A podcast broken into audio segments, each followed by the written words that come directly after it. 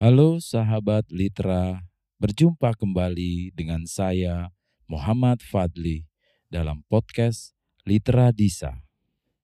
Dalam perjumpaan kali ini, saya akan membacakan bab 23, Surat Cerai, novel Tenggelamnya Kapal Van der Wijk.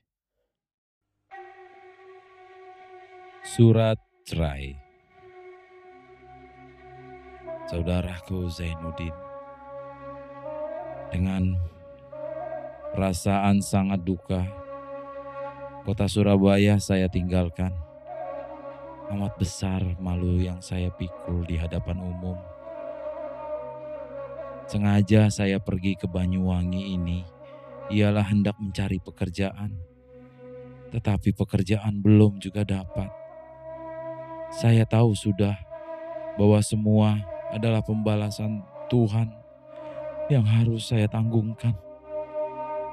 Dosa saya terlalu besar terhadap kepada diri saudara. Kuncup pengharapan saudara yang mulai akan mekar, saya patahkan.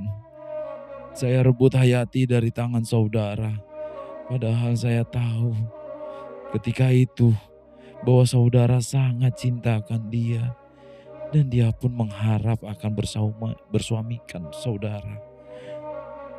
Saya pengaruhi keluarganya dengan uang, dengan turunan. Saya hinakan saudara di hadapan mereka. Saya tidak insaf bahwasanya panas akan berganti juga dengan hujan bah. Bahwasanya kehidupan ini adalah laksana roda pedati.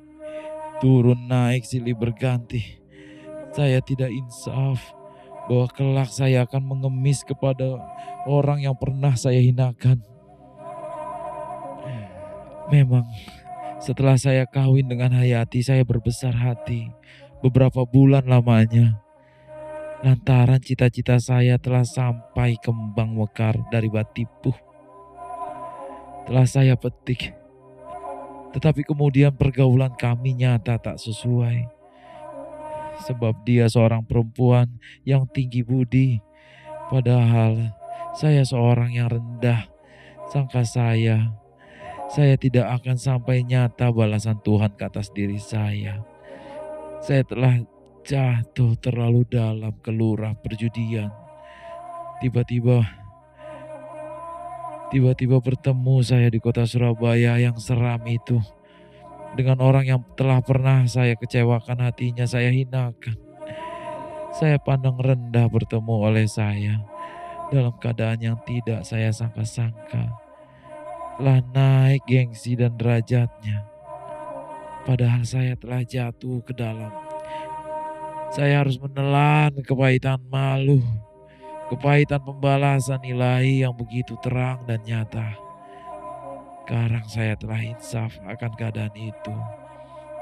Sekarang saya sudah menetapkan hukuman atas diri orang yang bersalah. Sekian besar. Saya mesti mencabut jiwanya supaya dia lengkas tersingkir.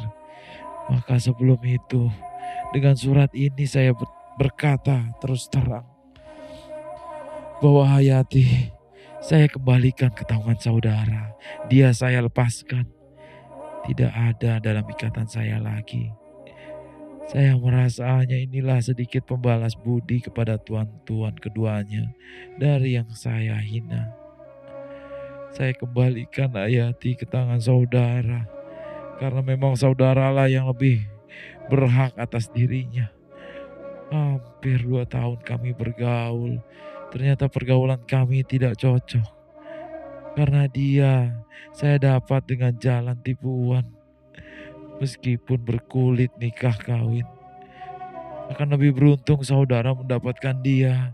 Sebab dia seorang perempuan yang amat tinggi budinya. Dan dia pun akan lebih puas bila bersuami yang cocok dengan aliran jiwanya. Adapun saya sendiri telah menetapkan vonis atas diri saya. Tak perlu saudara hiraukan bagaimana kesudahan dari kehidupan saya. Karena kehilangan orang yang sebagai saya ini dari dalam masyarakat belumlah akan sebagai kepecahan telur ayam sebuah. Maafkan dosaku, lahir batin. Aziz, Adinda Hayati, hampir dua tahun kita bergaul. Hampir dua tahun kau menuruti aliran hidup, aliran hidup saya yang sial, yang penuh dengan dosa, penuh dengan tangan yang kotor, hanya semata-mata lantaran menurutkan nafsu muda saya. Kau suruh saya mengerjakan ibadat kepada Tuhan untuk menebus kesalahan di zaman remaja. Hanya sebulan dua dapat ku kerjakan dasar kotor. Kian lama seruan kekotoran itu kedengaran oleh telingaku kembali. Saya kecewakan hatimu.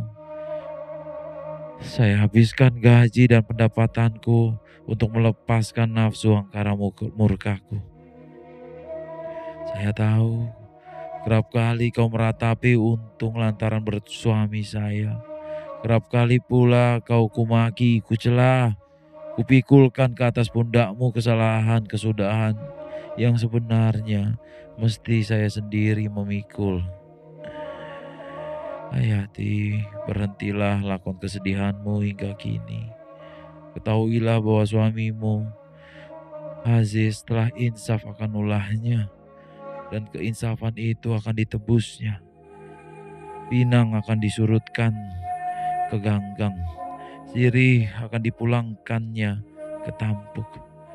Sengaja saya menyingkirkan diri.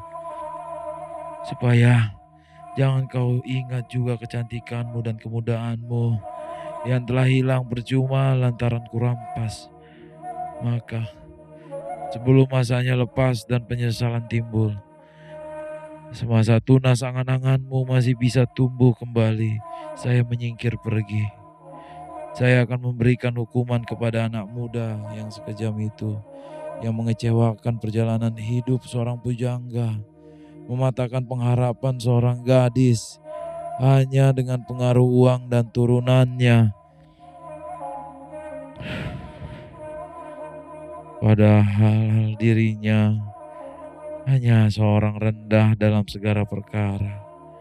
Hapuskanlah segak kesedihan yang telah terlukis di kuningmu. Kembalikanlah senyumanmu yang manis. Hidupmu kembali dengan gembira. Habiskanlah segala remuk kedukaanmu yang telah timbul di dirimu hampir dua tahun lamanya lantaran saya. Maka sesampai surat ini, lantaran kau kuambil dahulunya dengan nikah yang sah menurut agama. Sekarang kau kulepaskan pula dengan sah menurut agama. Sesampai surat ini ke tangan Adinda, jatuhlah talakku kepadamu satu kali. Meskipun setelah perkataan itu keluar dari mulutku, kau bukan istriku lagi. Namun saya masih berani memohonkan kepada kau atas nama seorang yang telah hampir dua tahun bergaul dengan dikau. Yakni jika idahmu sampai, janganlah kau kembali ke Padang. Tetapi tinggallah dengan Zainuddin. Dia masih suka menerima kau jadi istrinya. Hanya sekedar inilah suratku. Inilah hanya korban yang dapat kuberikan untuk membalas budi baik Zainuddin yang telah membalas segala kejahatan saya dengan kebaikan sekian lama. Dan jika sekiranya kau menerima kabar apa-apa tentang diriku yang tak baik, tolong maafkan segala kesalahanku selama kau jadi istriku. Dan tolong pula kiranya hal perempuan yang baik budi membacakan doa-doa permohonan selamat untuk diri makhluk yang malang ini. Bekas suamimu, Aziz.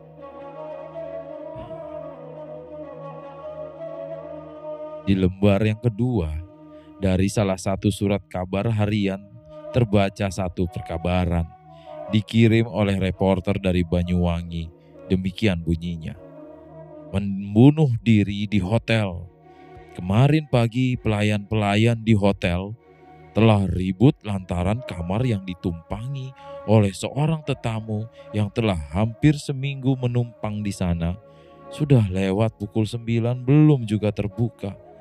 Kira-kira pukul 10 dengan bersama-sama mereka membuka pintu dengan kekerasan. Setelah terbuka, telah didapati di dalamnya suatu keadaan yang amat ngeri. Penumpang itu tidak bangun lagi buat selama-lamanya. Rupanya dia telah membunuh dirinya dengan jalan memakan adalin. Obat tidur, eh, obat tidur yang masyur itu lebih dari 10 buah. Tube obat itu terdapat di atas meja yang telah kosong. Polisi lekas diberitahu dalam pemeriksaan polisi, ternyata bahwa orang yang membunuh diri itu dari Surabaya berasal dari Sumatera. Sore itu juga telah diselidiki oleh dokter. Mayat itu telah dikuburkan di pusara orang Islam di kota ini.